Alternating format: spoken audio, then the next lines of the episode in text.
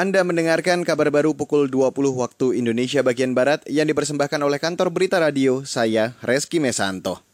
Pemerintah mencatat masih terjadi penyebaran kasus positif COVID-19 yang tinggi di tanah air. Juru bicara pemerintah untuk penanganan COVID-19, Ahmad Yuryanto menyebut, hingga siang tadi terjadi penambahan kasus positif sebanyak 600-an orang. Dengan demikian, hingga saat ini jumlah pasien positif terpapar COVID-19 mencapai 27.549 orang. Total yang kita periksa sampai dengan saat ini adalah 342.466 spesimen, baik dengan real-time PCR maupun dengan tes cepat molekuler. Hasil pemeriksaannya kita dapatkan bahwa konfirmasi COVID-19 positif sebanyak 609 orang, totalnya menjadi 27.549 orang. Juru bicara pemerintah untuk penanganan COVID-19 Ahmad Yuryanto menyebutkan peningkatan kasus terjadi di Jawa Timur mencapai 200-an kasus. Peningkatan juga terjadi di Papua sebanyak 90-an kasus dibanding sehari sebelumnya kemarin.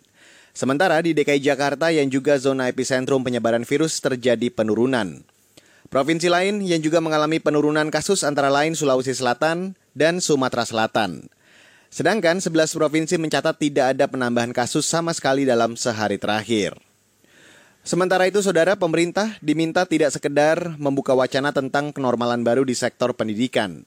Pengamat pendidikan Indra Karis Miyaji mengatakan, pemerintah harus juga menyiapkan sarana dan prasarana bagi dunia pendidikan di masa kenormalan baru. Salah satunya kata Indra adalah mempersiapkan kompetensi guru-guru untuk beradaptasi dengan pembelajaran jarak jauh. Yang harus disiapkan lagi adalah guru-gurunya. Guru-guru di Indonesia itu masih belum tahu pedagogi digital itu seperti apa, pedagogi pembelajaran jarak jauh daring itu seperti apa. Nah ini yang harusnya pemerintah ngebut selama liburan ini menyiapkan mereka untuk memahami konsep mengajar uh, pembelajaran jarak jauh dengan daring. Nah, di, jadi harusnya pemerintah bisa ngumpulin lah tokoh-tokoh pendidikan, pakar-pakar pendidikan yang disuruh melatih guru-guru ini. Pengamat pendidikan Indra Karismiaji juga mengkritik selama ini pemerintah tidak memberikan pendampingan terhadap guru dan mengevaluasi kondisi kegiatan belajar mengajar jarak jauh selama pandemi COVID-19. Selain itu, pemerintah juga diminta bekerja sama dengan baik dan melakukan pendampingan kepada orang tua siswa dalam melaksanakan kegiatan belajar mengajar secara daring.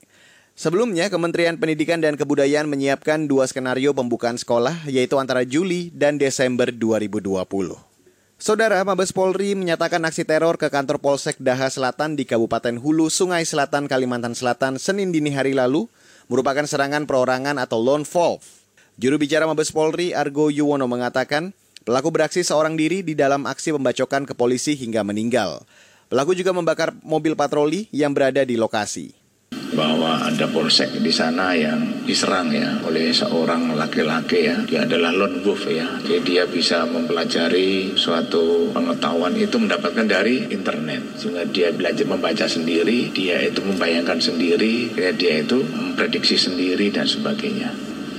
Juru bicara Mabes Polri Argo Yuwono menambahkan akibat serangan tersebut satu orang anggota polisi meninggal karena luka bacok. Anggota bernama Leonardo Lata Papua itu kini mendapat kenaikan pangkat dari Kapolri.